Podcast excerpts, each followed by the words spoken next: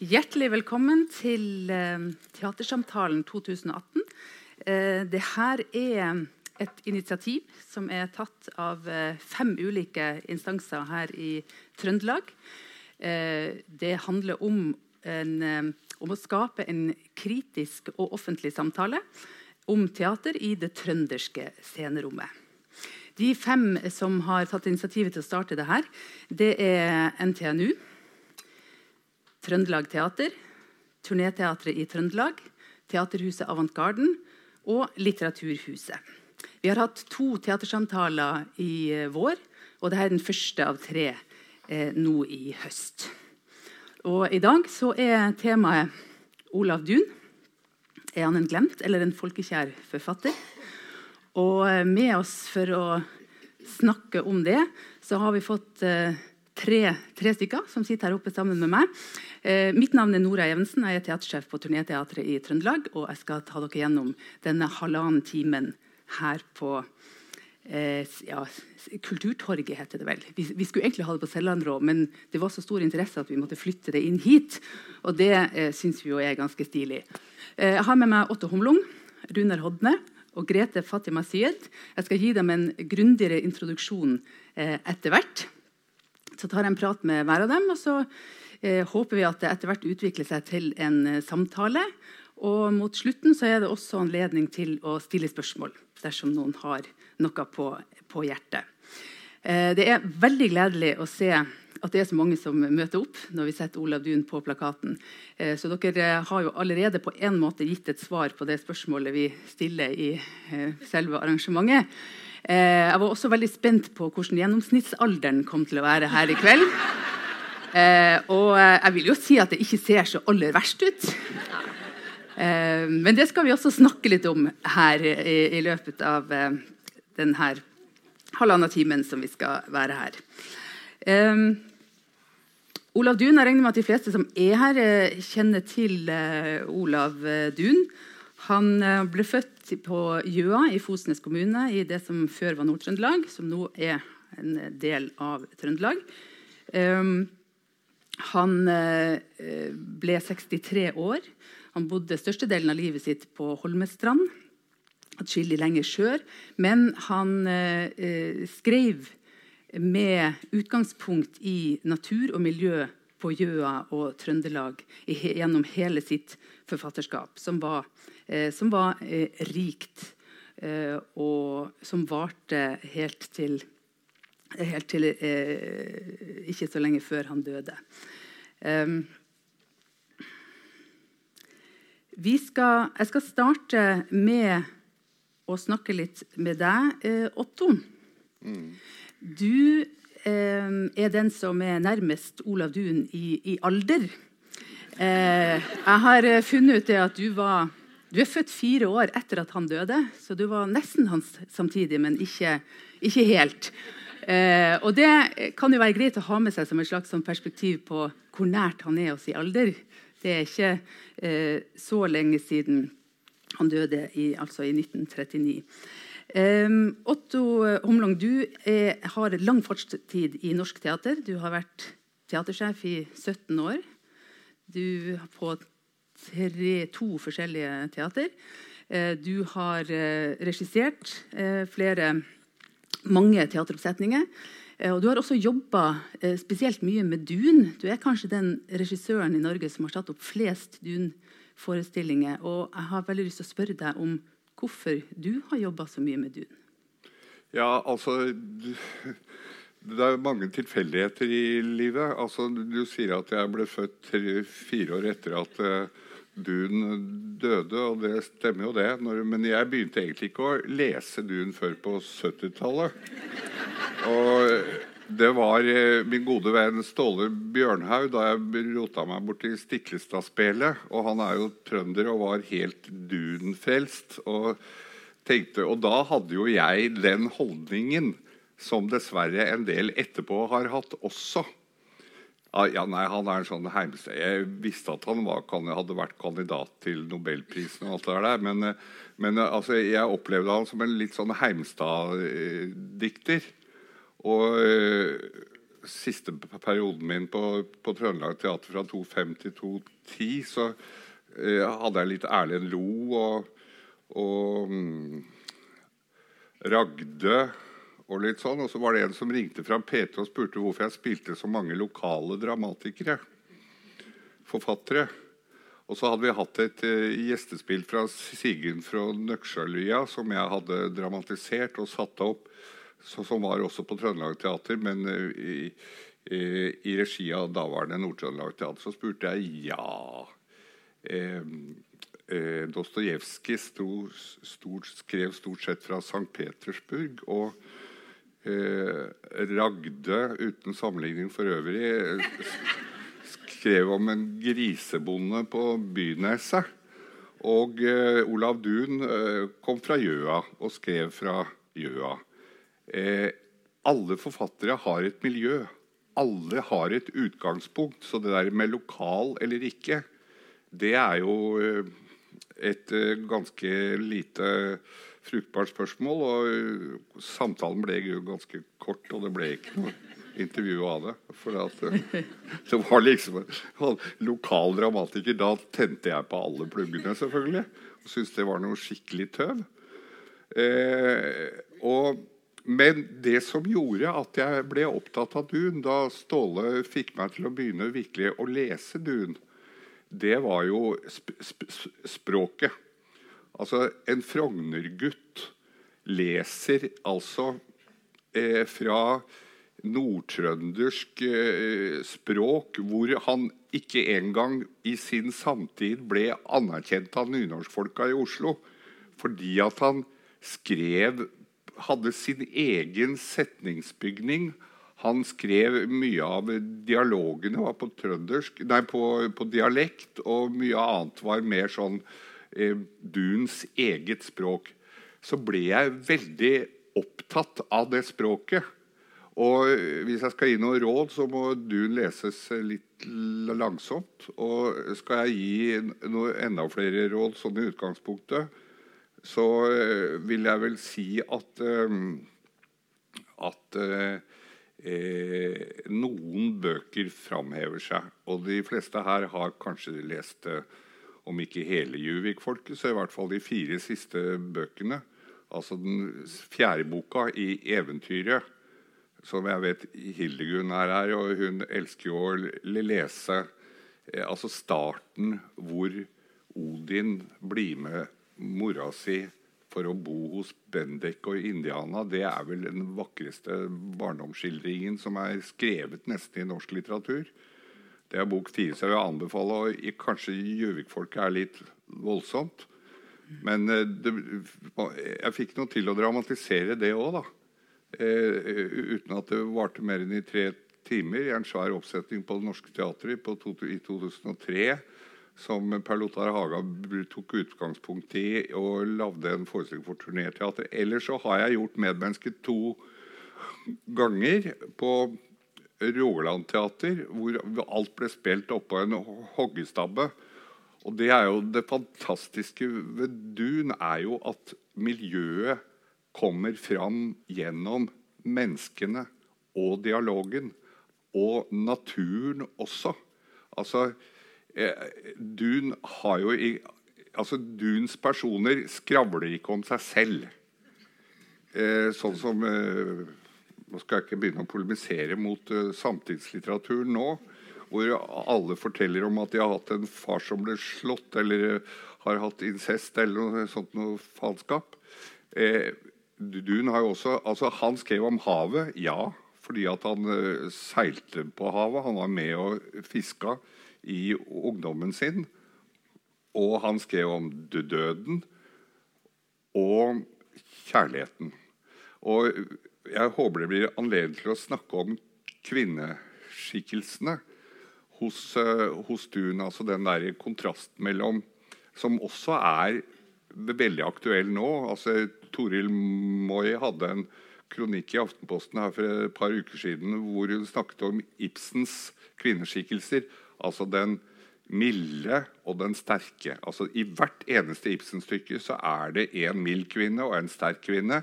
Og det der med seksualitet og makt Og spørsmålet nå er jo kan en kvinnelig konsernleder i Norge gå i miniskjørt og stiletthæler uten å bli stempla for å være eh, lett på tråden.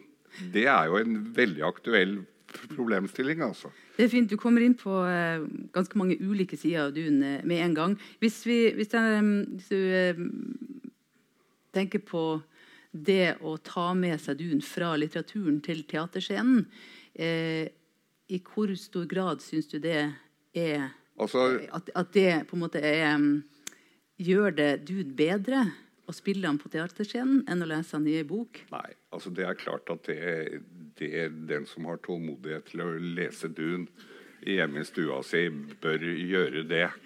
Og ikke gå på teater. Men, men det er Det er et faktum og, og, og, dette høres forferdelig arrogant ut. Altså, jeg tror jeg, altså, det å dramatisere den gamle telefonkatalogen, eller Gule sider, som det heter nå, er kanskje å, å ta, eh, bli litt for uh, overmodig.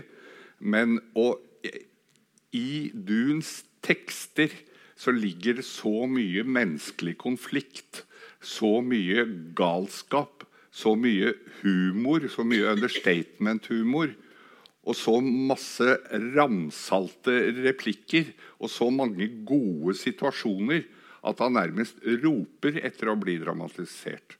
Og, og Duns scenehistorie er jo lang. altså Det begynte med medmennesket på Det Norske Teatret før krigen, som han gjorde sammen med daværende instruktør og teatersjef Knut Hergel. Og så gjorde Skagestad på 70-tallet 'Ettermælet'. og så begynte jeg å tukle borti det der med først 'Medmenneske', hvor jeg brukte den gamle dramatiseringen på Rogaland Teater. Og så gjorde jeg alle tre bøkene på Riksteatret. Og vi tenkte at der kommer det sikkert folk i Trøndelag. Og så var det på en svær landsdekkende turné. 70 forestillinger. Sånn. Til og med Hauge i Dalane og Moi, som Riksteatret spilte, til og med der kom det folk. Altså, slik at folkekjær, Men dette er nå nesten 20 år siden. Det har skjedd veldig mye på 20 år. Så jeg er veldig spent nå på hvordan det går. Og så med, med, du nå For jeg tror ikke at han er direkte folkekjær.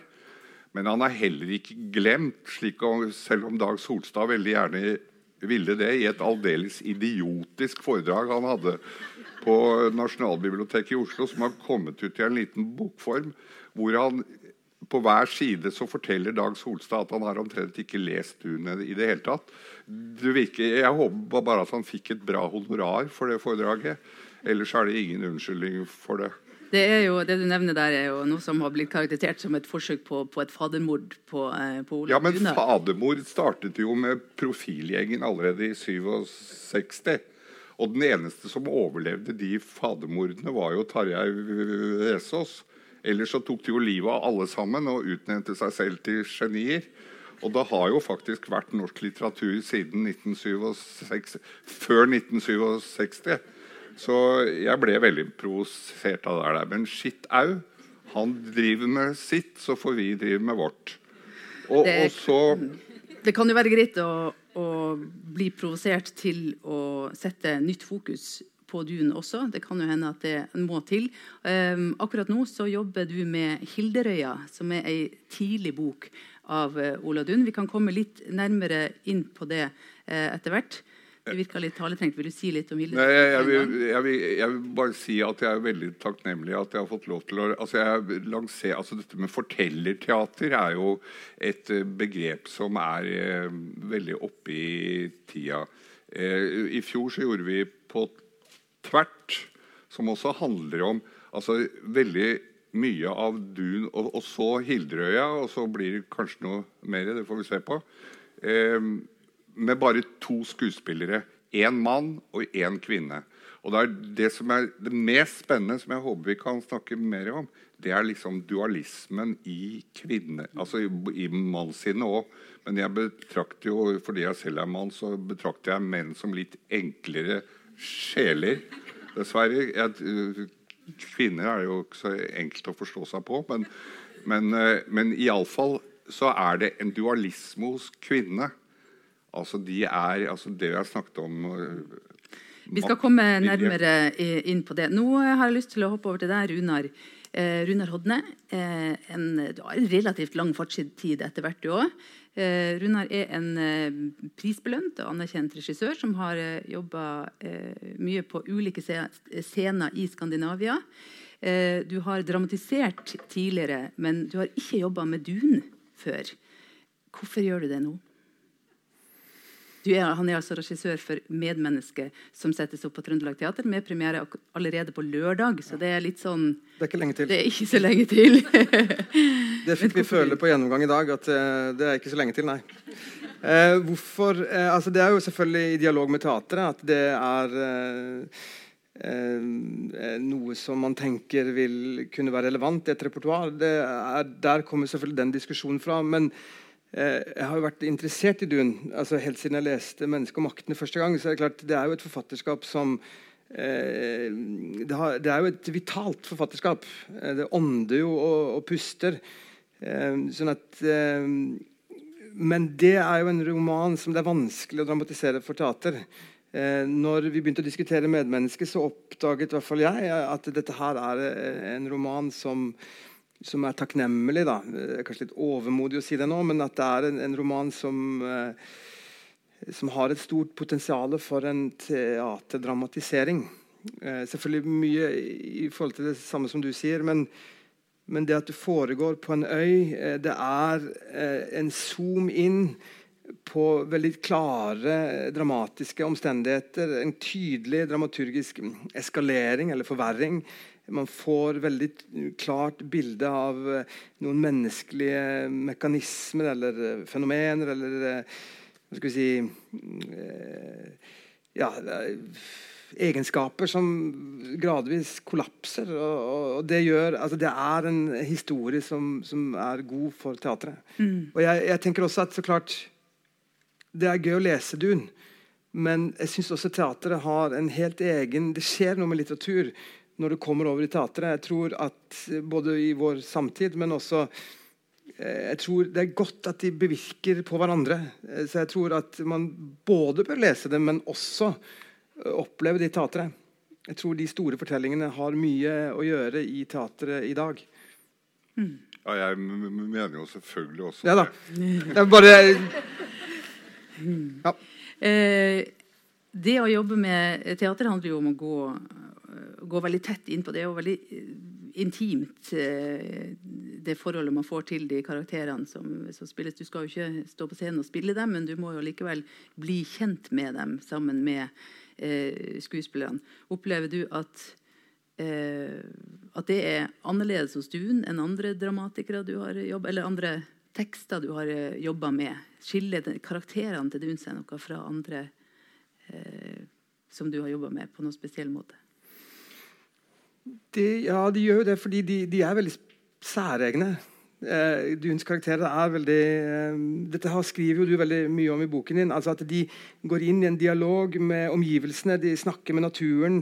Eh, de, de, har en slags eh, eh, lesbar emosjonalitet som, som gjør at, at man kommer i altså Dette er jo selvfølgelig et, et spørsmål men altså i forhold til undertekst og De er på en måte veldig i tråd med sin natur. Altså det, det, det er et eller annet sånn uh, De er lesbare. Ja. Henger det sammen med en um, um, altså det med ærlig, Handler det om ærlighet? At de ikke prøver å forstille seg eller altså late som de er noen andre enn de er? Eller er det Uh, ja, altså det, ja, på en måte. Men det, handler, det er jo knyttet opp til Duens uh, egentlig litterære prosjekt. At han, at han uh, inviterer til en, en, lesing som er ganske direkte. Altså Du trer inn, du leser. Altså han, han legger ikke ut masse på en måte, kode. Altså dette er sikkert veldig mange meninger om, men jeg opplever at han inviterer til lesning som er veldig direkte. Altså du, du, du får en uh, vei inn, og så følger du altså Det er klart det er litt forskjellig i forhold til bøker, men altså det er mye innpust opplever jeg den, i, i romanen hans, som gjør at uh, de har en direkthet, en, en tydelighet. Eh, og, og, Der ligger også det selvfølgelig nivået av humor. For det er masse, masse humor i hans tekster. Men det er en humor som er eh, vidunderlig eh, på en måte tørr og brutal samtidig. Eh, den er veldig særegen for Dun. Det er jo eh, Et eksempel på én replikk. Lea. Eh, Lea i 'Medmenneske'. Kolon. Her kommer hovedpersonen for i dag, sa mannen som skulle henges. Det er, det er typisk eh, Dun, altså. Det er jo veldig interessant, fordi det nettopp er sånn at veldig mange opplever han som veldig tung. Eh, er det da sånn at, altså at man har liksom blitt prakka på å lese Dun på uh, ungdomsskolen eller videregående, og så har man eh, bare ikke orka å gå dit igjen, for det var så tungt og det var så vanskelig å forstå? Eh, opplever du at, at, at, du må, på en måte må, eh, må, du gjen, må du gjennom språk og stund? Eller hva syns du opplevde han som lett tilgjengelig? Nei, altså det, det, er jo to ja. myter om han som på en måte ble motbevist i denne prosessen. Det ene er jo det at han er en tung folkelivsskildrer. Det er han jo ikke. ikke sant? Og jeg, klart, jeg kom jo inn i Dun-resepsjonen på et senere tidspunkt. For meg er han egentlig allerede en glemt forfatter når jeg liksom begynner å lese. Han er allerede, som Solstad, egentlig ganske presist påpeker. da. Altså det er, eh, og jeg må også si bare en kort digresjon, at jeg opplever at Dag Solstads innlegg er en forfriskende polemisk eh, innlegg som selvfølgelig vekker det provokativt, men det er jo også hans intensjon. Det er derfor jeg polemiserer. Ja, ikke sant? Men jeg mener, han gjør jo ikke noe Det, fa, altså det fadermordet også, altså Knut Hamsun gjør jo også et fadermord. Han er jo en vitalist egentlig samtidig med Dun. Sånn at, uh, litteraturhistorien er jo avhengig av de der polemiske, vidunderlige, uh, modige fadermordene. Men men hva var det du spurte om igjen? Jo, jo apropos om, altså, om han er, to, er han, opplevde han, altså, Kommer du raskt Du sier at han er veldig humoristisk. Men er det noe som du, måte, som du ser med en gang, eller må du på en måte gjennom språk, må du på en måte lete etter det og så finne det? Eller, eller mener du at det er like tilgjengelig som den, den tyngden han bærer på da, som forfatter? Det er betydelig mye mer tilgjengelig. Altså Når du først kommer igjennom språket eh, og forstår at det er et språklig prosjekt som du på en måte må Det er ikke en hinne du må gi forbi, men det er en, noe du må igjennom for å liksom være i. Det er et sted. Språket til Dun er et eget sted. Eh, når du klarer liksom å være der og, og skjønne at det her er, er, er, eh, dramatisk, eller det er poetisk, eller det er levende og, og natur, så fremstår det som mye mindre altså Det er ikke tungt. og Eh, og Det er kanskje et annet moment, men jeg opplever at Dun også er en mye mer sympatisk person enn mange av hans kollegaer. Fordi han er en, sånn, han er en litt sånn stusslig type som, som, skriver fra et sted hvor han selv eh, ja, får det ikke helt til og er en lærer som er sånn halvvellykka. Og, vet, alt det der som, som, man tar med seg inn i forfatterskapet, som gjør at mye av de skam, den skamfølelsen, mye av de lave følelsene som man finner i tekstene hans, er ikke påstander. De er, de, du merker at de er følt. da. Mm. Kommer fra ham. Jeg har også et, eh, et sitat Men han var en guru i Forfatterforeningen. Ja. Eh, når han snakket, så snakket han så, Det var som å hogge det i stein. altså hva han sa. Og da holdt folk kjeft når han snakket.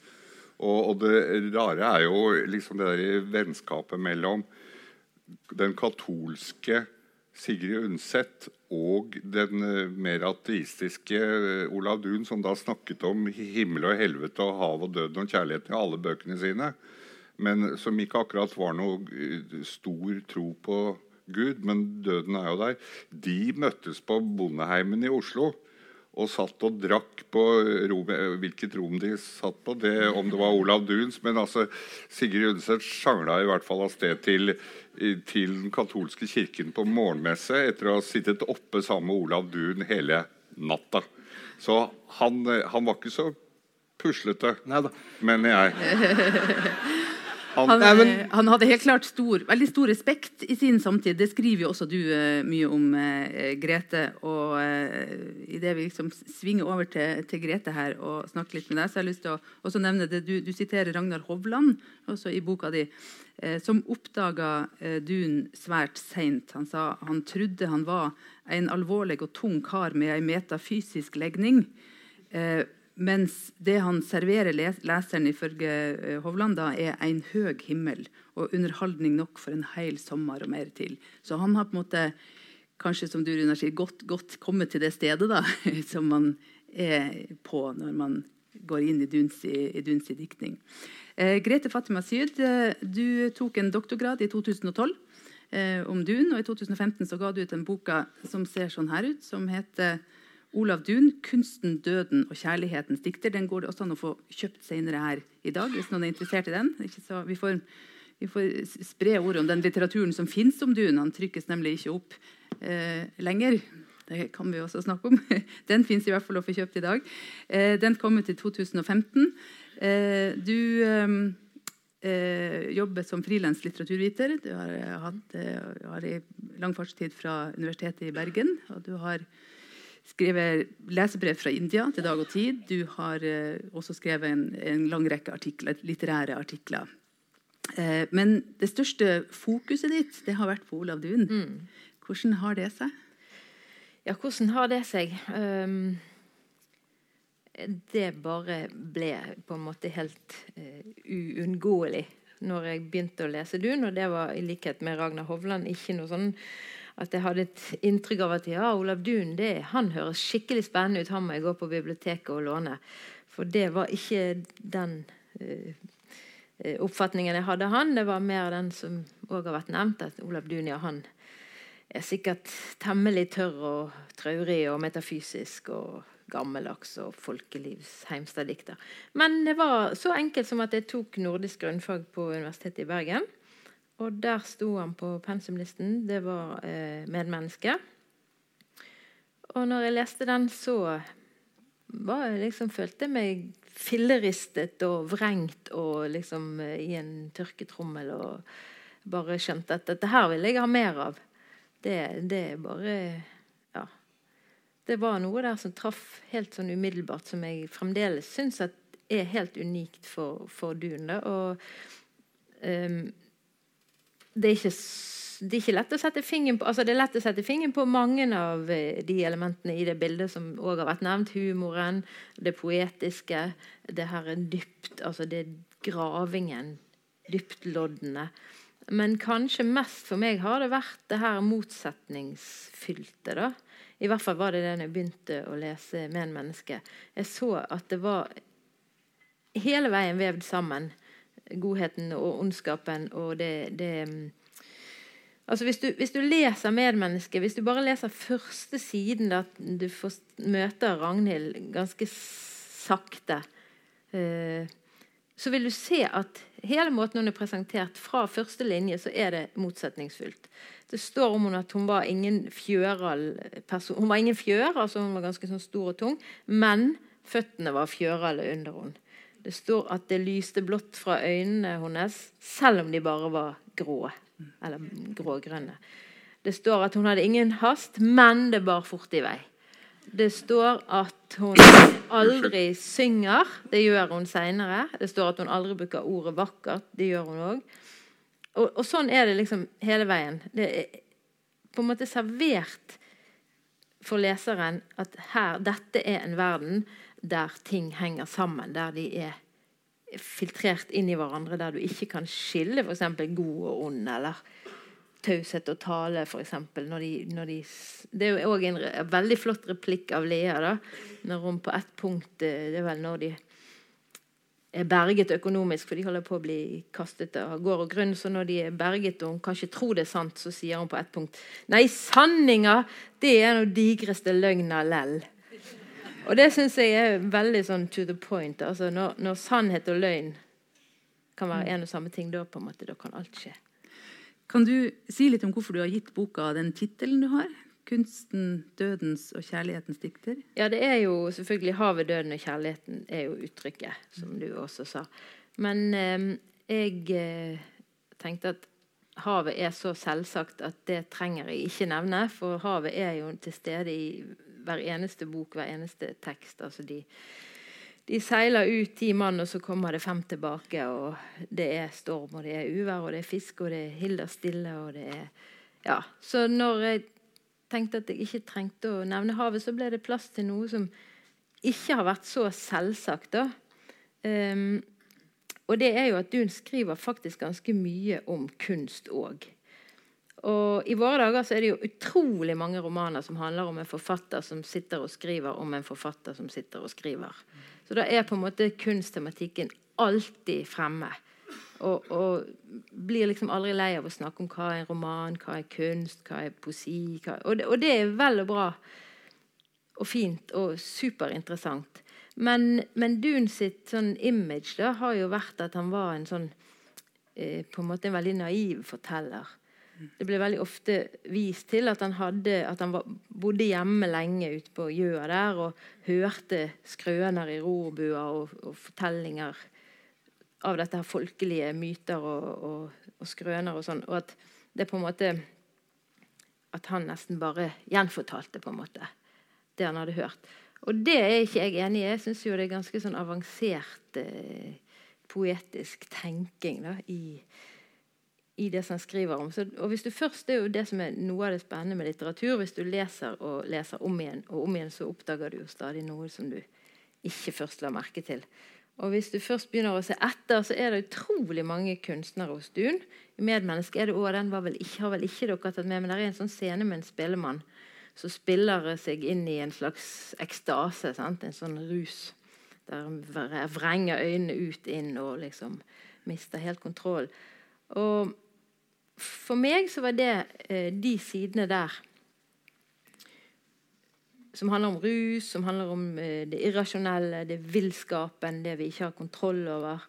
Det syns jeg var viktig å få frem. Fordi at jeg syns at i, i eh, litteraturhistoriene og eh, artikler og verk om Dun og om litteratur, så har det bildet vært så entydig at Dun var den store etikeren, og han, var, han balte med de store spørsmålene om godt og ondt. Og sånn og sånn. Og det er helt riktig. Det gjør han. Han baler med de store spørsmålene. Men han gjør det ikke på den eh, tørre, metafysiske måten. Altså, han gjør det Han gjør det ikke som tenking, men han gjør det som dans og rus og salt og sjøsprøyt. Og, mm. og det syns jeg er ganske sjelden. Du sier allerede på vaskeseddelen av boka eh, at boka er drevet av en dyp kjærlighet til både dun og annen litteratur, og skrevet for å opprioritere litteraturens måte å bety på, dens innsikter som ikke lar seg uttrykke i noe annet språk. I dag har du vært på prøve og sett en gjennomgang eh, hvor dun eh, blir gjort til teater. Mm. Hva tenker du om, om det? Det var superspennende. Det var så utrolig kjekt å komme bak scenen og se liksom hvordan, er, hvordan ser det ut her, og så komme inn der og vite at nå får jeg se noen, noe som ingen andre får se før på lørdag. Um, jeg likte veldig godt at det var gjort um, ja, Jeg skal ikke røpe for mye, sant? Eller er det Det må du bestemme selv. det har ikke vært premiere ennå, så det er mange her som er spent. Så det er mange som har kjøpt billetter. Eh, jeg kan jo bare si gled dere. Um, det er ikke gjort realistisk å liksom Sånn eh, bygdetunet på scenen og Stakken og liksom sånn.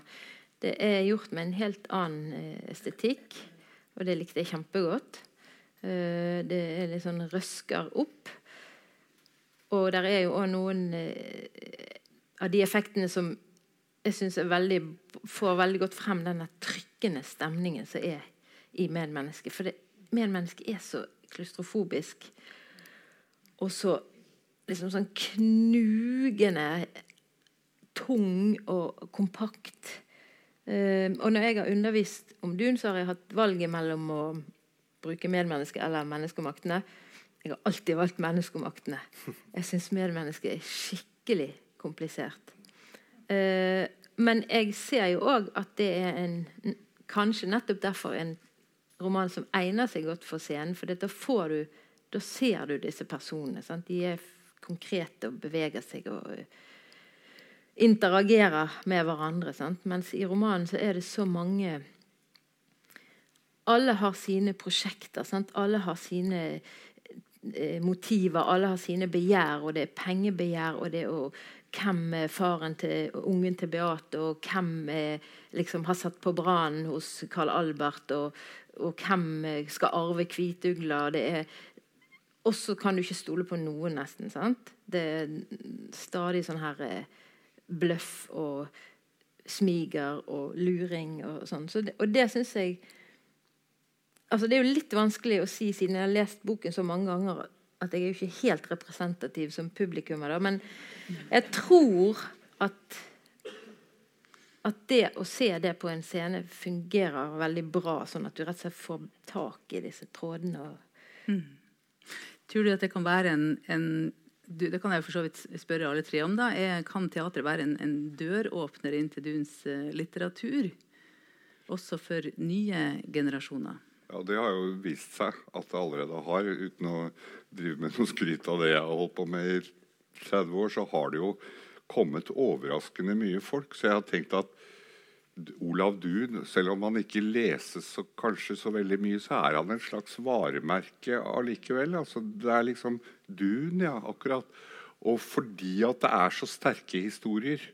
Det er så tøffe historier. Det er så eh, at F.eks. 'Medmenneske', også den ene boken, men også nummer to og tre, som rent litterært kanskje ikke blir satt så høyt. Men det viser seg jo at det når, når Ragnhild har kommet på tuktus og sitter der i mange år etter å ha uh, høgd uh, ned uh, Didrik for, for, å redde sin mann fra ondskapen.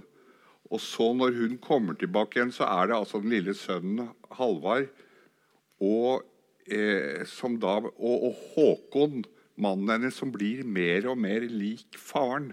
Så han til slutt, altså ved å drive på med økonomi og makt og penger og alle sånne ting Så Olav du må ha vært en fantastisk eh, sosialist fordi at han han, han, han, altså er, pengene er jo roten til alt ondt i, i Duns bøker. Altså det er det som skaper galskap i hodet til folk. Og, og når hun, når Ragnhild da pga. svigermora si tale, som da drar sørover for å hente Ragnhild hjem fordi at hun ser at det går galt med den nye generasjonen, så dør Tale. Og, det, og, og Håkon går konkurs, og alt, og så ender det med at de må forlate Stavsund sammen. Men hun har reddet sin mann etter å ha sittet i tuktu selv i veldig mange år. Og Det syns jeg er så gripende og så vakkert at, eh, at de to neste bøkene har sin verdi, det òg. Altså som en slags helhet, for det er jo en trilogi, dette her. Og, og Juvik-folket også, hvor Odin, Lauris, Astrid Håberg Ingrid som den milde nordlandsjenta som Odin eh, altså Astrid som blir sammen med Lauris for å hevne seg på Odin fordi han aldri klarer å bestemme seg for hva han vil i forhold til kvinner og erotikk, og vice versa. Og Det er jo et grunntema hos uh, Olav Duun. Jeg, jeg, håper at det, vi kan snakke litt mer om det er et trekantdrama som ofte er hos Duun som er veldig ibsensk også, altså. Vi kan gjøre det nå. Vil du ja, begynne? Ja. det kom litt brått på, men, eh, men, eh, men, eh, det handler altså Astrid syns jeg er en veldig spennende karakter. Altså, for hun har altså hun, Tilsynelatende så er hun jo veldig god og mild og fin, hun òg. Men hun er virkelig en sammensatt person. Altså. Fordi at hun, hun altså det, er Lauris som er da eh, kameraten og de drar jo på fiske sammen. De drar jo ut på havet, akkurat som i Hilderøya, hvor man har da Edvard Jørgen og Svein, som, eh, som er motpoler. Den ene, altså, Lauris frykter ikke havet. Ed Edvard Jørgen frykter ikke havet. Han drar ut for å fiske og komme hjem med full båt og tjene penger. Og, og, og, og forføre et eller annet kvinnfolk fordi han har penger. Og Odin, Svein også, og i på tvert den første boka med han uh, far, morløse gutten som da forelsker seg i en jente som utnytter ham grovt i årevis. Altså, det er den samme problematikken, altså den samme altså menns forhold til kvinner og kvinners forhold til en mann som ikke klarer å bestemme seg. Altså, det er så mye livsangst hos mennene til, til, til, til eh, Dun. Det, det er, altså, kvinnene er mye sterkere, opplever jeg. Eh, det er i hvert fall min opplevelse av det. At de er tøffere. De tør å gjøre mer, enten med ondskap eller med godhet. Stort sett med godhet, vil jeg jo si. da. Det har jeg lyst til å spørre deg, Grete, som har vært gjennom alle Dun sine bøker og, og er veldig tett inn på dem. Kjenner du igjen det Otto snakker om her? Ja, jeg har egentlig aldri tenkt på det som livsangst. Men eh, det skal jeg jammen tenke på videre. Men at det er trekantforholdet, er jo helt uh, innlysende. Uh, og Det er klart at det er jo en veldig takknemlig plottstruktur. Da, for da er jo det duket for alt fra mord og knivstikking og ja. Mm.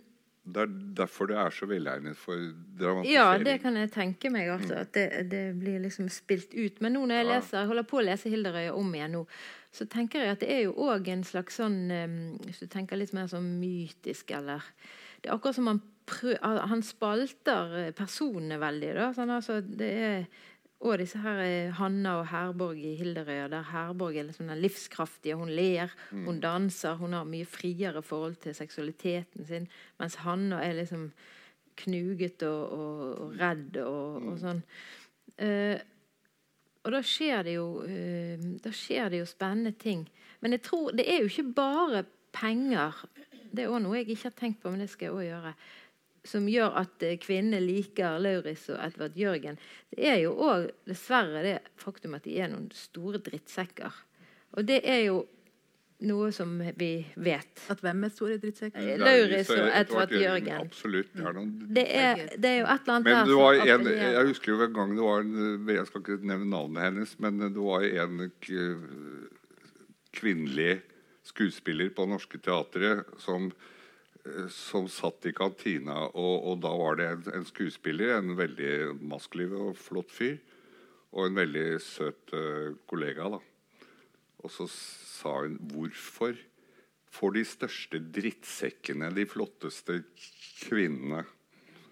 Og det er noe der. Det er noe der. Mm. Og, og, Astrid, som du sier, hun er spennende. Hun sier jo rett ut at hun har vært rasende på Odin fordi, fordi han ikke kom og tok meg med Vald. Ja, nettopp.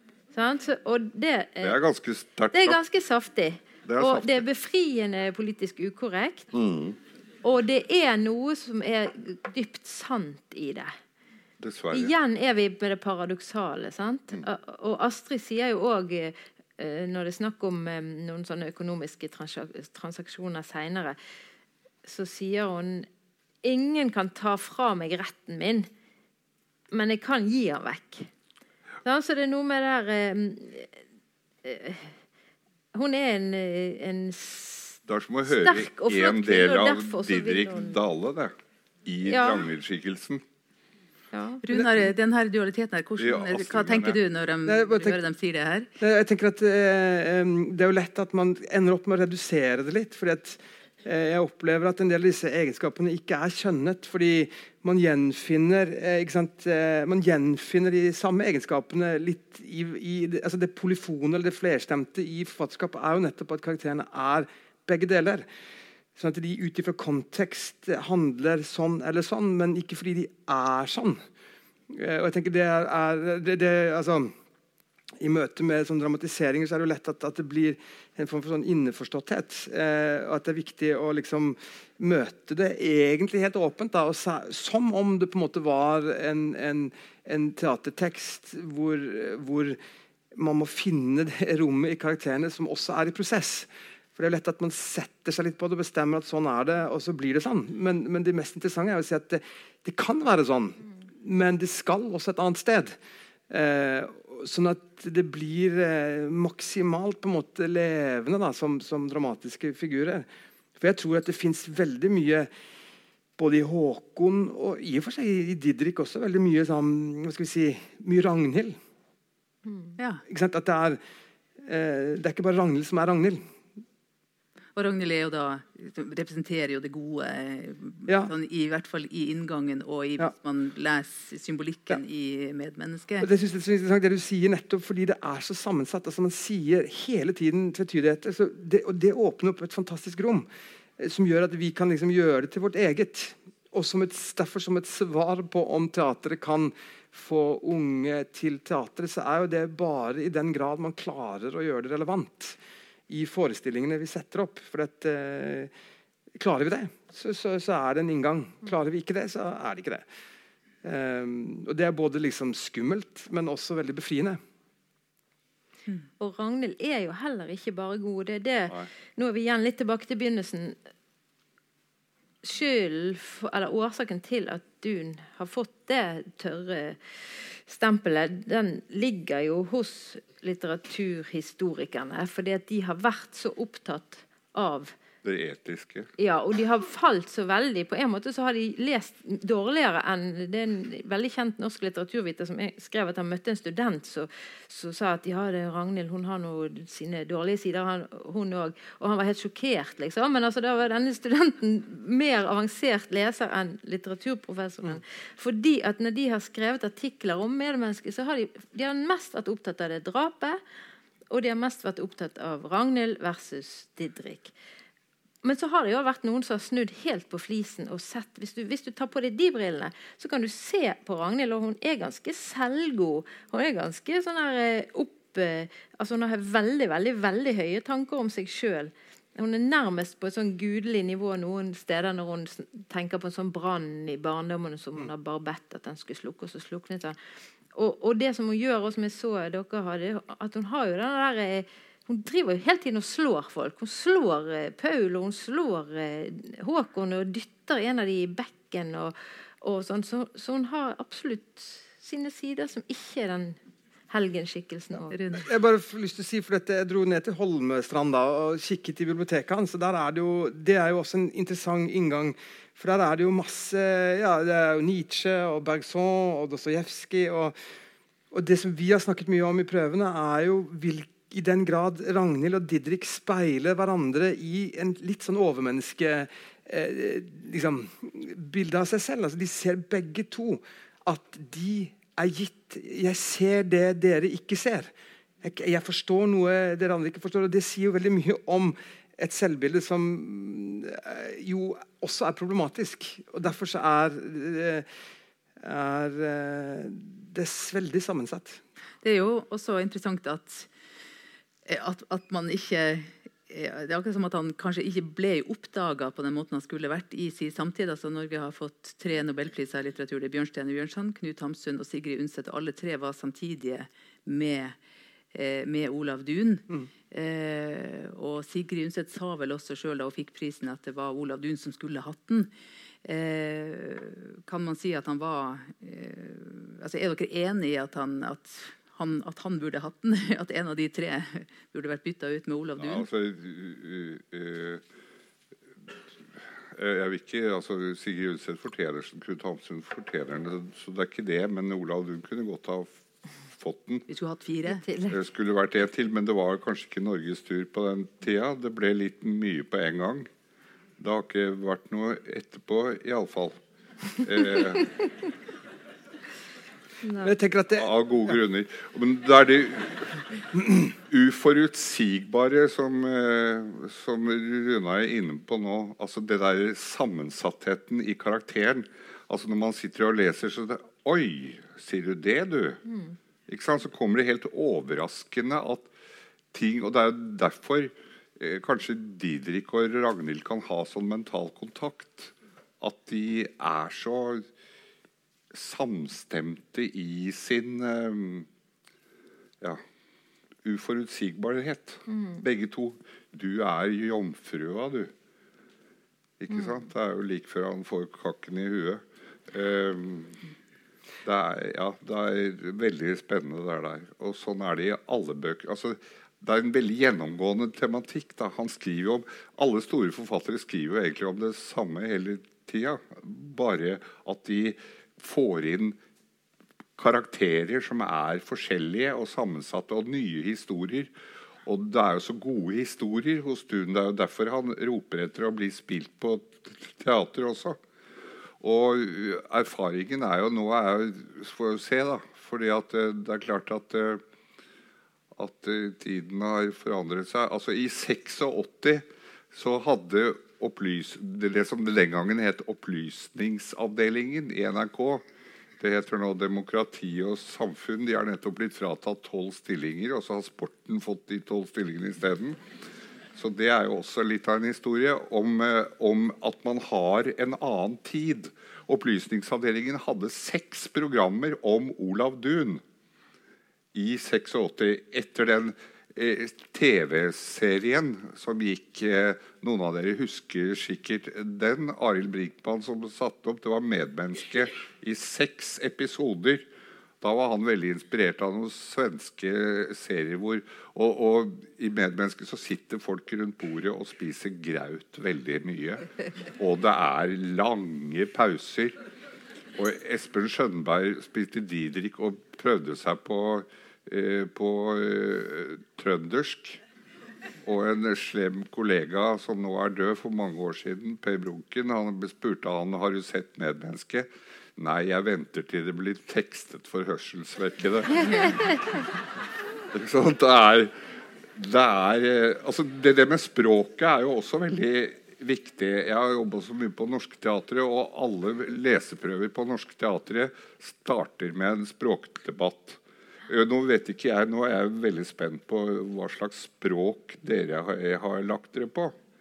Eh, for jeg, jeg husker Hildegunn er jo her da vi gjorde Ann-Margrit med, med, med eh, Falkberget, første musikalversjonen. Og Hildegunn er jo Verdaling og, og uh, Falkberg er Røros. Og jeg husker jeg glemmer det aldri. Hun kasta manus i gulvet og sa kan vi ikke like gjerne spille dette på gresk. Fordi at, at greia var jo at vi skulle spille det på Røros-dialekt. Og dialekt og dialekt det er to forskjellige ting. Normalisert nynorsk, som de for lengst har slutta med på Norsk teater. Og det med språket her Jeg har to skuespillere som begge er eh, verdalinger. Og Verdalen er jo må du i hvert fall ikke. Det var en fra Nord-Trøndelag som kom og så på en gjennomgang på Hilderøya som jeg holder på med nå, og sa at nei, men det er, det er jo ikke Verdal, dette her. Det er jo Gjøa. Og vi fikk vekk de verste sånn hen og den og alt det der sølet der som de, de holder på med i Verdalen. Og så fikk vi språket på sporet men det blir jo en slags allmenntrøndersk første gangen. Da medmennesket gikk på Norske Teatret i 1937, så var det jo bare vestlige altså, altså Lars Tvinde spilte Didrik Dale, og han var vossing. Og, og, ble aldri noe annet heller, til tross for at han var en stor skuespiller. Eh, så det språklige er viktig. Men det er ikke så viktig. du vet, Jeg er jo bergenser, så for meg er det jo gresk. Uansett om det er Værdal eller Stjørdal. Det kommer jo til og med folk til Moi ja, det det. og til Hauge Dalane. Derfor er ikke det så viktig, Nei, tenker jeg. Men, altså, men det...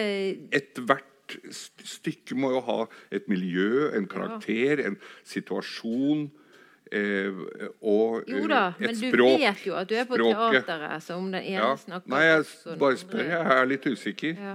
Eh, men, eh, jeg har lyst til å jeg, jeg, tror ikke jeg ville orke å få medmennesker på Kav bergensk på nasjonale scener. Det kan, kan, jo hende at du ville blitt veldig positivt overraska. Jeg skal sende deg en invitasjon hvis det kommer på ja, men jo, men, ja, til for det er jo interessant, for det, altså, apropos, altså, Hildegunn er jo heldigvis med hos oss, og, og vi har jo, skal bare svist det manuset mitt. for det det er, eh, det er apropos gresk. Altså, for der har vi, jo, vi har skrevet om alle replikkene til et helt konkret, samlet eh, språk. Og det er jo interessant å spørre deg om du eh, skjønte det? jeg skjønte det aller meste, men, men, hvis vi skal ta noe, gå litt utenfor denne kretsen, da, så er det jo klart at det er jo både å lese og, og se Dun det, det er jo litt krevende sikkert både for folk som ikke er trøndere, og sikkert for litt yngre mennesker. Jeg vil jo tro at det, det har forandret seg der òg.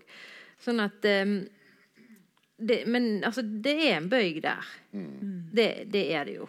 Men den er ikke så uoverkommelig heller. Altså Når jeg klarte det, så må jo hvem som helst klare det. jeg snakket med Jan Erik Vold en gang om Dun, og han sa det som jeg tror kanskje er noe i Hvis Dun hadde vært språkvasket i dag altså Nå snakker vi om eh, 2000-tallet til litt mer Litt mer begripelig, så hadde han vært Men altså, det- jeg det- tror det er en farlig Men det er jo interessant. Hva ville det gjort med Dun? Ja, det er akkurat det. hans Det ville sett ut da?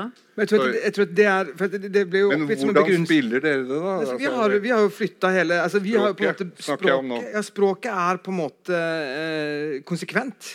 Eh, det Ja, er hva er dialekt. Eh, Gjøa. Vi befinner oss eh, på Gjøa. Men jeg, men jeg syns det er viktig å diskutere det som du sier, i litt større format. Da, fordi eh, eh, det er jo oppgitt som begrunnelse av eh, eh, sekretæren i Nobelakademiet at en av grunnene til at han ikke får Nobelprisen, er fordi språket er vanskelig tilgjengelig. Eh, og det kan man si er eh, både et problem, men det er jo også en kjempestyrke at man har en forfatter som er så eh, som, som betrakter språk og dialekt som en så sentral komponent i sitt prosjekt. Eh, og Det mener jeg er veldig viktig når man nå setter det opp, å være tro mot.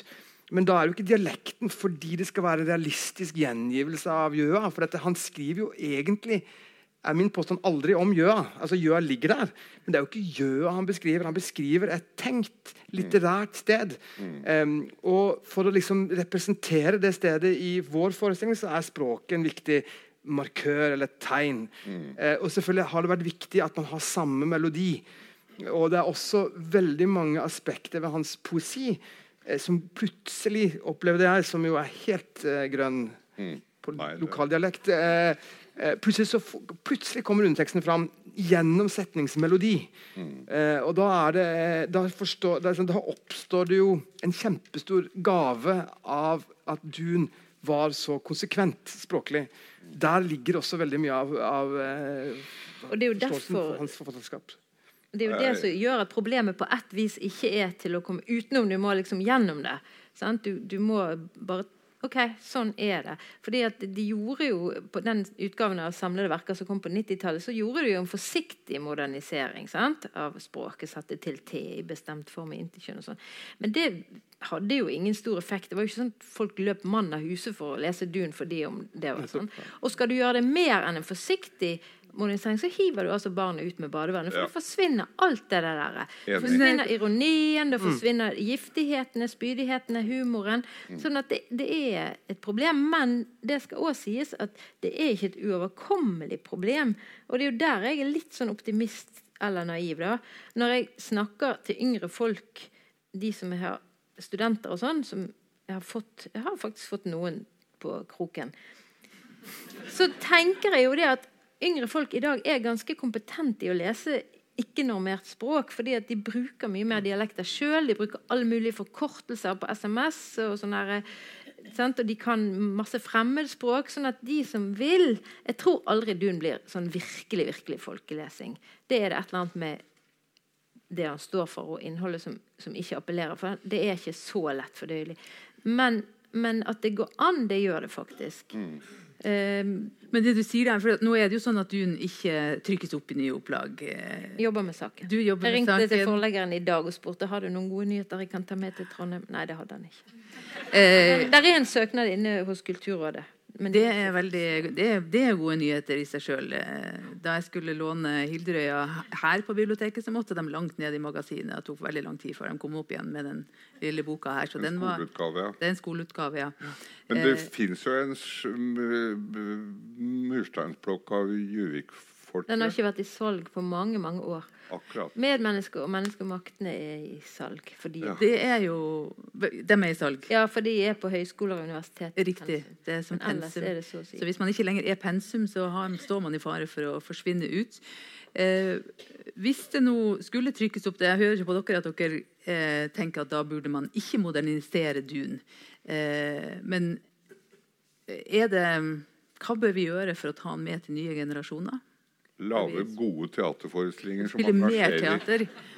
rett og slett. Så øh, der slår jeg meg selv på munnen, for jeg sa 'les bøkene og ikke gå på teater'. Jeg mener jo ikke det, selvfølgelig.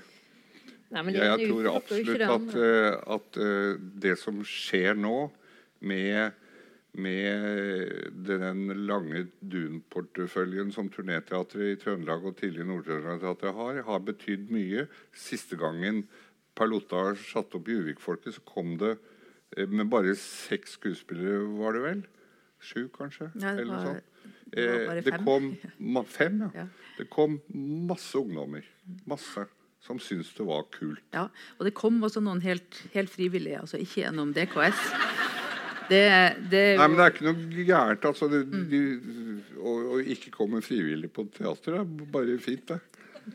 Få dem inn. også- Trekk dem etter håret. Det er jeg helt enig i. Ja. Det skal være motstand. og Det å Ja, kjede seg på teater er helt topp. Det er en Kjede dannelse, seg det òg. generelt det er veldig bra. Ja, det er det. Ja. Men altså, det er jo Alt må jo gjøres. liksom. Spille den på teater, gi den ut, få han i bokhandel, få Ja. kjøpe bøkene. Vi må ha sånne ting som dette. Vi må snakke om han, vi må skrive artikler og, og sånn og sånn. Lag tegneserier eller dans eller musical eller hva som helst. Fordi at uansett hva man gjør, så kan man jo ikke ødelegge, ødelegge den, liksom. For bøkene ligger jo der. Men da altså for all del ikke modernisere han? Er det noe dere mener oppriktig, alle Ja, det må man i tilfelle gjøre med veldig forsiktighet. Ja. Altså. Det er vi vel alle enige om. Ja. Eh, Men det går an å gjøre noe. Og skrive Noe. likevel i ett ord istedenfor to ord og sånn. Det er sant. Og så er det jo noen veldig sære trønder... Namdalsuttrykk da, som er virkelig en utfordring. Ja, men de er jo så fine. Man trenger jo ikke forstå alt når man Nei, man leser trenger ikke forstå alt. Det er helt riktig. Det er litt sånn undervurdert, det òg, i det man ikke forstår. Enig der. Jeg må jo innrømme sjøl at det, det det er uttrykk jeg står stopper opp som jeg ikke forstår. Som jeg må enten måtte ha ringt deg eller slått opp Det Spørs om jeg var hjemme den dagen. eller- Men, eh, nei, men altså, Men- noe men av det går jo du- på at, Ja. at det er at tingene de viser til, ikke fins lenger. Sant? Sånn som i Hilderøya, der er jo så mange båttyper. Der er jo eiming og listerbåt og geitbåt og over. otring og ditten og det har vi ikke med. Du, du skal jo er oppover i morgen og kikke på våre prøver, da. Eh, nei, det har vi ikke med. Nei. Du ville si noe om språket, Runar? Jeg vil bare si at eh, litteraturhistorie og kulturhistorie er jo eh, i bevegelse. Så Det er klart at det er jo viktig selvfølgelig å kjempe for et forfatterskap og, og at det er relevant, men det gjør jo heller ikke noe at det på en måte melder seg av og på i en liksom lengre linje. Fordi det, faren er veldig stor. at Hvis man liksom eh, ja, tvangsmoderniserer eller i, pimper det opp, som har vært et problem med en del forfatterskap i norsk eh, historie, så, så, så, så gjør man det helt motsatte. Man, man, man, man presenterer det som noe annet enn det det er, og da får det på en måte ikke ha en sånn organisk eh, ettertid. For det er jo utrolig mange forfatterskap opp gjennom historien som er veldig sterke forfatterskap som også har på en måte ja, vært inn og ut liksom, av historien. Og det er også en god ting. Da. Det er også en liksom, form for eh, ja, evolusjon i det. Mm. Og når det da først melder seg på igjen, så kommer det liksom eh, på ærlig vis. Eh, Det er jo interessant, men er det Hvis jeg da skal eh, utfordre deg på den, tror du det skjer av seg sjøl, eller må man eh, på en måte også pushe på i form av det som Grete nevner, altså at man gir sett fokus eh, for å fange opp en sånn ny interesse? Er- Kan vi si at vi eh, Hvor er vi nå, på en måte? Hvor er vi nå i dunbølgen? Er, vi, er det en litt tilårskommen generasjon som er på vei ut, som er glad i dun? Det, vi opplever det i vårt publikumssegment. Så ser vi at de som blir kjempeglade når vi setter opp dun, eh, det er eh, i all hovedsak eh, 60 pluss. Men Og så er det dem som får sitte da gjennom eh, Den kulturelle skolesekken, og dem som kommer av egne interesser. Altså det, er, det er selvfølgelig ulikt, men, men vi får en sånn følelse av at det er at det er den eldre generasjonen som er Hvem skal snakke først? Bare lyst til å Ja, si noe om eldre og yngre. Og påfyll av nye lesere eller nye teatergjengere. Altså, alle får grått hår etter hvert. Og da, altså veldig mye, Vi må satse på ungdommen, og vi må få tak i ungdommen. og Det er flott. det er flott, og Det kommer unge folk og ser en god Dune-oppsetning med en jævlig tøff historie. Så, så om det er skolesekken eller hva det er for noe, så kommer de. Og er det bra, så er det bra, og da blir de engasjert. Men la folk under 35 år få lov til å være litt i fred. fordi at det er så mye annet de skal, og særlig i vår tid. De kommer når de begynner å bli litt gråhåra. Det rare er altså For 20 år siden så sa man om uh, Filharmonien i Oslo altså Det nytter ikke med klassiske konserter, fordi at de kommer jo til å dø ut. Ikke sant? Men jaggu er det fullt her fremdeles. Og det er gråhåra folk. De kommer, de kommer, de kommer. Jeg er ikke noe redd for det. jeg. At uh, folk uh, tar til vettet når de blir litt eldre. Og, og da kommer de. Runar? Ja. Nei, jeg bare tenker at det, det, altså, Revitalisering er jo avhengig av eh, at man starter på scratch. Og Det føler jeg at liksom, for min del nå har vært en, en Det er ikke fordi jeg altså Jeg prøver å lese det helt som jeg, det ikke har lest før. Og at vi også har en samtale i ensemblet som ikke handler om eh, om en sånn innforståtthet. At man prøver å bare lese det helt sånn Hva er det? Eh, hva kan det? Hvem er de? Hva er situasjoner? Hva, sånn at det blir eh, nylest. Det er jo teaterets store styrke. da, At man hele tiden Men hvis man, le, hvis man ikke er, liksom, prøver å ta på seg ferske briller hver gang, så, eh, så risikerer man at man lukker det. da, At det blir dårlig, at de kommuniserer dårlig. Så jeg tror at skal man liksom vinne nye lesere for Dun, så er det og gjennom teatret så må man på en måte sørge for å ta et veldig sånn eh, blikk som er, er ferskt. Altså ferskt som lar seg gjøre. Men tenker du da at du bare retter lov til å deg si ja. én ting, og det er at det er om å gjøre å nullstille seg selv. Bare tenk deg hvordan jeg må nullstille meg selv for å gå og se din oppsetning av medmenneske. Jeg gruer meg, merker jeg. Nei, det, det behøver du ikke, for jeg tror jeg kommer til å klare det. Ja. Jeg tror jeg det tror kommer jeg. til å klare det. Men det, at det er en utfordring, det er helt sikkert. Ja, det, Men så Ja. kan jeg bare si Det er jo òg noe med at eh, Ja, det må ikke bli en antikvitet, for det er i hvert fall ikke interessant. Men Nei. det er et eller annet veldig artig med det òg at eh, når det kommer nye generasjoner, så forandrer tekstene seg. Eh, og den estetikken jeg tror jeg sa til deg i sted, at jeg fikk begynt å tenke på, veldig på sånn USA av en eller annen grunn. og sånn, sånne folk som bor i, i sånne eh, campingvogner ute på Hillbilly og skyter hverandre ned med saglo, eh, nei, hagle. Og så kom jeg akkurat på at når jeg var, da boken min kom ut, så hadde jeg noen skolebesøk på Mære annet, og et par steder oppe i Steinkjer og rundt omkring. Og vi leste en novelle som er den aller første novellen jeg liksom skjønte at jeg skulle skrive doktorgrad. Den heter 'Ei lita jente og tyven hennes'. Og der er det sånn dobbeltgjengertematikk. Det henger jo ofte sammen med sånn trekantmotiv og sånne ting. Men det er i hvert fall en eh, good guy og bad guy som er veldig like, sånn at de er litt sånn dobbeltgjengere. Og det de ungdommene de hadde virkelig slitt, for det er en lang novelle, den er tung, men de hadde jobbet med det og forberedt seg.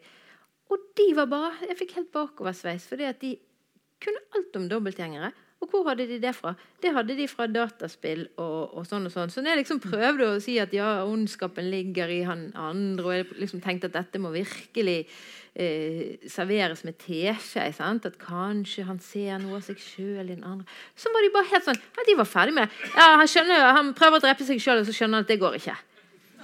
Eller prøver Ja. De var ferdig med det for lenge siden. Og det er jo veldig artig, syns jeg. At det faktisk folk som Mange av de hadde aldri lest en bok. De kunne en, navnet på én forfatter, det var Jo Nesbø. Men der var de way beyond me i tolkingen av det der med ondskap i, og dobbeltgjenger og sånn. Og Det syns jeg Da er det grunn til optimisme. Det er jo veldig gledelig. Um, både du Otto og Runar, dere, har, eh, dere bruker nykomponert musikk i forestillingen deres. Eh, hva slags tanker gjør dere, dere om, det, om bruken av musikk i, i Dun sitt univers? Hva, hva, gjør musikken med, med dramatikken? Runar, vil du starte først? Du har altså da med deg eh, Kenneth Kapstad og Stian Vesterhus på scenen som musikere. Nei, Nei. De, spiller, de spilte inn, og så er det komponert av Lars Petter Hagen. Ja, altså Han dro i studio med de og hadde Ja. noen veldig sånn klare stikkord. Og så improviserte de en dag i studio eh, fram et veldig tydelig, eh, lydlig univers. Altså vår, vår, Vårt utgangspunkt var at vi kan aldri gjengi eh, naturen på scenen. Så vi må både gjengi den på en annen måte og prøve å gjenfinne den i musikken. eh, Sånn at man får et landskap, får liksom no, no, noen episke dimensjoner inn gjennom musikk. Sånn at vi kan liksom fokusere på noe annet eh, scenografisk. Og det vil jeg jo si at de har gjort. da. Det er veldig tydelige, mm, klare, eh, ganske tidvis dominerende musikalske innslag som på en måte er med å fortelle historien. Jeg tenker at i denne oppsetningen har det vært en stor ressurs. Fordi eh, Det er også faktisk ganske inspirert av den boken din. altså Det å komme seg gjennom det virkelighetsnivået og inn bak for å komme på sporet av de menneskelige dramaene, overskridelsene, det språklige, så må man på en måte eh, ta et ganske sånn brutalt eh, kutt. Og komme inn, sånn at vi kan fokusere på, på det som foregår. Og da er musikken en veldig viktig bro inn dit. Otto, du har med deg Asgeir Skrove, som, komponerer, Ja, som også komponerte til På tvert. Den forrige På tvert, ja, og før i tida ja. uh, samarbeidet jeg en god del med Henning Somro. Og det var selvfølgelig 15-20 år siden, enda lenger òg.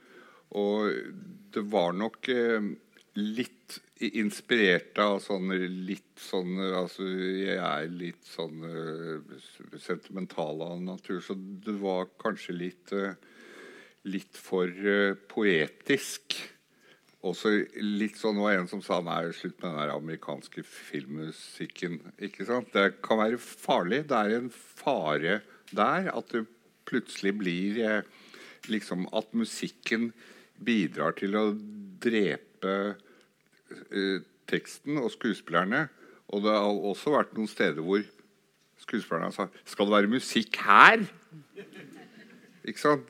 De, altså, noen ganger så kan også skuespillere bli provosert av at det ligger musikk under dialog. Det, det, det, forstyrrer det. Det kommer Det forstyrrer, og det ordet. eh, bidrar til å forsterke og sentimentalisere en situasjon som egentlig er ganske tøff. Og Dune er ganske tøff. Folk snakker direkte til hverandre.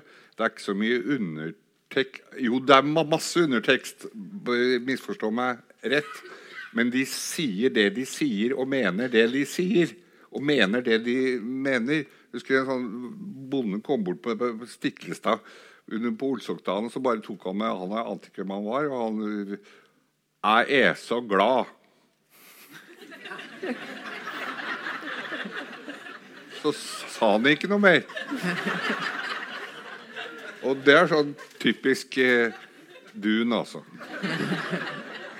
Sånn er det bare. De sier det som det er. Og da, hvis man da skulle ha 1000 fioliner under det, så hadde det blitt veldig galt.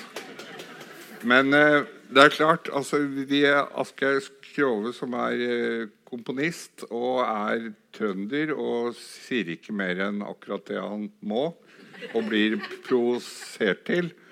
Eh, han har da laget musikk, og den, den er vakker. Det er den. Eh, og det er eh, kanskje farlig. Kanskje det er for mye. Noen vil synes det er for mye. Jeg syns ikke det, og det er jeg som bestemmer. Men eh, vi får nå se. Mm. Men eh, det er interessant det du sier. Jeg er enig i det du sa om musikken, altså. Mm. Ja. Vi, eh, jeg har lovt at vi skulle ta imot noen spørsmål fra salen. Vi har ca. et kvarters tid igjen. Her er det allerede noen hender i været. Så jeg tenker at det kanskje er fint å åpne opp for det nå. Jeg synes det allerede har kommet veldig mange fine synspunkter fra dere i forhold til det med å ta Dun med videre til nye eh, generasjoner. Eh, ja. Et spørsmål som Ja. jeg i grunnen aldri det jeg, Som jeg begynte med å si, det er liksom erotikk, sex, kvinner, mann-kjønnskamp. Altså det der, med Er det mye erotikk i Nå snakker jeg ikke om eh, Er det mye erotikk hos Dun? Eh, og, og, hvordan arter den seg? Han, han er jo aldri noen dyneløfter på noe vis. Men jeg liksom opplever allikevel en ladethet som går på eh, kjønnsliv, altså. Mm. Stemmer det, eller har jeg mm, lest det meg litt uh... Nei, jeg er enig. Det er jo litt noen ganger at du skulle nesten ønske at han var litt mer inn der, for da er det sånn neste morgen. Ja, nettopp.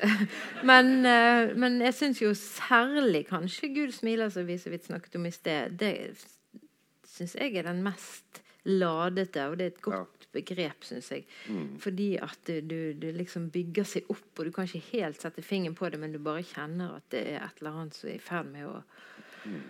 å liksom vokse frem. Det, det syns jeg absolutt. Og det er klart, han er jo veldig Han er jo interessert i i erotikk og seksualiteten og begjær og alt sånt, men det er jo litt sånn hva gjorde man på den tiden? Det er ikke mye Ja, ja, jo, kanskje den seine dun kunne nå ha vært dristigere, men Nei, det er antydningens kunst. Det er ikke de gjøremålene man gjør, driver med i, i seksuallivet. Det er mer eh, de eh, hemningene, tabuene eller tiltrekningene eller driftene som liksom ligger under der og ulmer. Mm. Men klart han er jo kjempeinteressert i, i i det temaet. Mm. Men det er også Han flytter jo ofte eh, erotikken over på naturen og snakker 'Hei, du stein', 'Hei, du regndråpe' på vindusruten. Det, der syns jeg det ligger en, en inngang altså, som er egentlig sånn sett mye mer litterært interessant da, enn en, en sånn at man peker direkte inn på det som jo ofte blir mm. vanskelig litteratur. Mm. Når du skal snakke om erotikk. Og så er han veldig god på blikk. da, altså Sånne dirrende Altså den, altså den, type ting. At når du holder blikket og det liksom bare Det syns jeg han er god på. Ja. Mm. Men kan, vel, kan man også si at han um, altså det handler jo uh, Man går jo ofte inn i det unge mennesket, altså det med, med, valgets kval. Det handler jo ofte om hvor man skal, hva man skal gjøre med livet sitt. Hvem man skal slå seg sammen med. altså Hvem er det man vil ha? Det ligger jo, det ligger jo um, drift og begjær bak de store livsvalgene. Eh, det kan man kanskje si at han er. Ja, og som altså, ofte så vil man jo da ha en som man egentlig ikke burde ville ha. En som det hadde vært uendelig mye bedre på alle måter. Og akkurat det med å, bli, å falle for drittsekken og alle de tingene. Altså, ja, og, har med erotikk å gjøre, mm. da. Mm. Det er spennende. Og, og for er det lett tilgjengelig, så er det jo Hva er det han sier, han der eh, det ene Juvik-folket, nå husker jeg ikke hvem det er som er så vakker og pen, så sier han 'Jeg fria og jeg fria, og ja fikk jeg, hvor jeg attåt kjem, tvi fanken', eller et eller annet sånt, sier han. Det, det, det er ikke Lauris provoserer jo Odin veldig mye med det der. At jeg er jeg, altså Hun er et horisontalt kvinnfolk. Mm. Og òg i Hilderøya. Da er det jo ja. kvinnfolk, er det Hva, hva, skal man med de kvinnfolkene man får? Ja, ja, ja. ja sier det og, og eh, hun eh, Astrid Jeg vil ikke ha noen vakker gutt. Det, hun skal ha en som er sånn, har noe mørkt og spennende. Og etter hvert Jørgen er jo nærmest et slags sånn altså Han er jo nærmest sånn deformert. Han er i hvert fall ingen vakker gutt. Nei. Og samme i en, en, roman vi ikke har nevnt, som er, ofte blir nevnt som en sånn slags forløper eller et forstudium til Juvik-folket, det er jo Det gode samvitet fra 1916, den er veldig, veldig veldig spennende. Og der er det masse grums og erotikk. Og, Kanskje den må vurderes eh, neste gang. Eh, det, dere har fortsatt mye på hjertet, men jeg vet at det er noen hender her nede i salen. Vi har ei her, og vi skal få hjelp med å få rundt en mikrofon her. Så nå åpner vi opp for at dere kan stille det på andre rad der. Eh, går det kanskje an å få opp lyset litt hos dem som sitter her? Vær så god. Ja, Man kan være anonym, kanskje? Det, det, er også helt greit. jeg ser dere. Uh, jeg vet ikke om mikrofonen høres det. Ja. Det virker. Uh, jeg er jo opptatt av det som ble snakka om med å moderere teksten, og det som Homlung refererte, som Jan Erik Vold sa. Jeg leser opp igjen Dun nå. Har ikke lest Dun på mange tiår. Og jeg merker jo både det at jeg fikk en enorm flying start gjennom norsklæreren min på Katta i Trondheim, som var en dunfantast av dimensjoner. Hver eneste norsktime så kom det et eller annet som Juvikingen sa. Ja. Og så merker jeg nå en, eh, at jeg har kommet opp i 60-årsalderen og har vært gift med en namdaling i mange år. Så jeg kjenner både lynnet, det der typiske det derre 'Å, jeg er så glad'. Sånn understatement, mm. men også på dialekten. Men så er det der med å skrive om Altså, jeg leste om igjen Falkberget i, i sommer, og da oppdaga jeg at Falkberget og Dun og Undset faktisk debuterte samme år. Ja. 1907, tror jeg. Ja. Og men, Herman Wildenvey. Ja. år. Uh, men jeg, jeg kjenner Rørosdialekten godt. Men når jeg leste opp igjen Falkberget, så ser jeg at der, bl.a. Fjerde nattevakt, så ser jeg at de har løst det med Når det står ryss, som betyr en smågutt, så har de satt sånn stjerne oppi teksten. Og så putta jeg en oversettelse ned som en fotnote på, på sida. For at uh, man, hvis man begynner å gå løs på Nå har jeg bare 20 sider igjen av uh, siste leveåret. Men når du sier f.eks. at man kan skrive likevel i ett ord istedenfor to, så syns jeg at noe av det fascinerende med Dun er jo Man må lese det veldig sakte, og så likevel. Mm. Det blir noe annet enn et sånt kjapt likevel. Mm. Så han deler opp så mye at du skjønner jeg tenker at det man har gjort med Falkberget, er kanskje en du tenker at, man, at, man, at, forlaget kunne gjort en jobb med å, å, ja, når det blir lage på, et notesystem i merker, bøker? Ja, jeg merker jo at det kan være enkeltord som um, Det er jo litt som første gang man, uh, man leser svensk, og så kan det være et enkeltord du ikke Hmm. Fotnoter er litt vanskelig i teatret, dessverre. Ja. Men det er jo gjort, det, i skoleutgaver. Både, med, om romanene, både nederst på sidene og bakerst som ordliste, så er det gjort. Og det er klart at det er hjelp et stykke på vei, men det, du, er, du, vinner litt og taper litt ja. hvis du endrer teksten. Og kanskje så er det OK å, gjøre, å vinne litt, f.eks. ved å slå likevel sammen. Jeg er helt enig, det er en nyanseforskjell, og det er det jo alltid. Mm. Så du, du ja, Det blir en sånn avveiingssak. Men det er klart at ord er det enkleste. Men syntaksen og setningsmelodien, og det er vanskeligere. Du vil jo ødelegge Dun hvis du ja, det det. skriver dumt. Men Dun var jo sjøl så seint som i 1927, tror jeg, så var han jo redd for at uh, at den danske oversettelsen skulle bli en trussel. Dun var jo veldig bekymret, apropos penger. Han var alltid i brev til Nordli, altså forleggeren sin. Ja, ja. For forskudd og salget, hvordan går salget, og nei, det går dårlig. Og Da var han bekymret for at den danske oversettelsen skulle bli solgt i Norge, og, og dermed bli en, en konkurrent som ikke han fikk så god inntekt på. Og derfor han, han ble, altså, når han ble oversatt til tysk så hadde man jo ikke det problemet. Mm. Og han, han, hadde jo eh, mange lesere i Tyskland. Han var jo veldig tyskvennlig. Mm. Noen har jo strukket den eh, litt langt. Ja, den gidder vi ikke gå inn på nå. Det skal vi ikke gå inn på nå i det hele tatt, for det er løgn og forbannet dikt og bare tull. Men han var fascinert. Og det er klart han tjente penger i Tyskland, og han solgte bøker i Tyskland. Og der hadde de ikke det språkproblemet som bakstreverske nynorskfolk i Oslo hadde i forhold til Dun. Da ble det oversatt til tysk. Ferdig med det. Mm. Er det noen andre som eh, har noe på hjertet av dem som, som sitter her i salen? Dere får, får rope ut hvis det er noen. Ja, det kommer jeg her. Ja, der, ja. Eh, jeg opplever jo Dun på en helt annen måte nå som gammel. Jeg kaller meg jo sjøl gamling. Jeg er jo 43-modell. Eh, og eh, jeg tror nok Dun vil eh, egne seg bedre for de som er mer voksen og har fått en del erfaring. Og som du sier, vi gråhårete dør ut, men det strømmer jo til gråhårede i ett sett, så det vil alltid bli gamlinger som også Dun vil være attraktiv for. Mm. Det som kan være litt interessant, er på teatret. Eh, hvordan opplever de unge skuespillerne du, når de skal eh, Avhengig av hva slags dialekt du bruker. Og når du sier at undertekster på teatret ikke, eh, Det kan de ikke tenke på, men kanskje bør man tenke på det også for døve For når du ser en opera og lytter til en opera, går et sted og hører på opera, så er det jo tekster i den digitale verden. Så da kan man jo få med også den forståelsen av ordet. Så det er jo en mulighet. Takk. Jeg har lyst til, jeg vet at det er noen unge skuespillere her som eh, holder på å prøve på Dun eh, akkurat nå for tida. Kunne noen av dere tenke dere å si litt om hvordan det er å jobbe med Dun fra skuespillerperspektiv?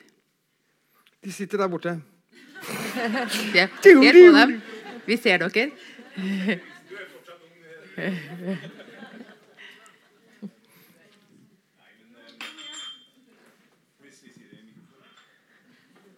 Vil du Um, jeg syns det er skikkelig fint å jobbe med Dun. Hadde ikke så mye forhold til han før. Har litt fordommer. Tenkte det var litt sånn gammelmannslitteratur. Uh, men er skikkelig begeistra over det rike språket hans. Um, og syns at det kler scenerommet. Uh, komplekse karakterer, og det er uke til premiere, så det er fortsatt en del som skal som vi skal finne ut av. Ja. Og Jon, da? Lokert? Nei, jeg er, helt enig. Men, eh, og det er jo men det er litt sånn, Jeg føler at jo mer man på en måte leser det, eller jo mer man jobber med det, så avdekker jo seg nye ting. Og det Jeg syns det har vært veldig spennende. Enig. vi gleder oss til premiere. Nei, skal- Ja. Tar dere hele runden? Jeg er for gammel egentlig til å svare på det her. Men du kunne kanskje vært litt om Hildegunn også. Men, om- um, Ja. Men det er jo også veldig eh, har vært kjempespennende å jobbe med dialekten, da. Det må, må vi jo si. Eh, og en kjempeutfordring. Men det gir oss veldig mye òg, å få lov til å bale med det der. Mm. Hildegunn, vil du Nå har vi hørt tre av skuespillerne i Medmennesket, og Runar vil gjerne at Hildegunn skal få si noe som også kjenner du fra tidligere, gjennom tidligere produksjoner. Ja. Og eh, ja, Nei. vær så god. Ja, eh, det er alltid en gave å få jobb med Dun. Som eh, Ragn Ragne sa så klart, altså det er så komplekse karakterer. Og jeg var jo med forrige omgang med medmennesker på Trøndelag Teater. Og det å, å skal gjøre det en gang til, det med et nytt Nå er det et nytt språk. Bortsett fra språket, selvfølgelig. Men språket på scenen. Altså, det blir en ny verden hver gang du møter Dun. Altså, det er så flotte tekster. Ja. Jeg vet ikke om Det er fint. Det er veldig godt svar. Tusen takk til eh, fire av de snart premiereklare skuespillerne. Og jeg er jo kjempeung. Ja, du er jo Fire av de, de, de fire yngste i, i ensemblet der, altså. Eh, er det noen andre som, som brenner inne med spørsmål fra salen her nå? Så begynner vi å, vi begynner å nærme oss eh, eh, halv ni. Eh, har dere noe dere gjerne vil tilføye på, helt på tampen her nå? Hvis vi tenker på Dun som eh, glemt eller folkekjær.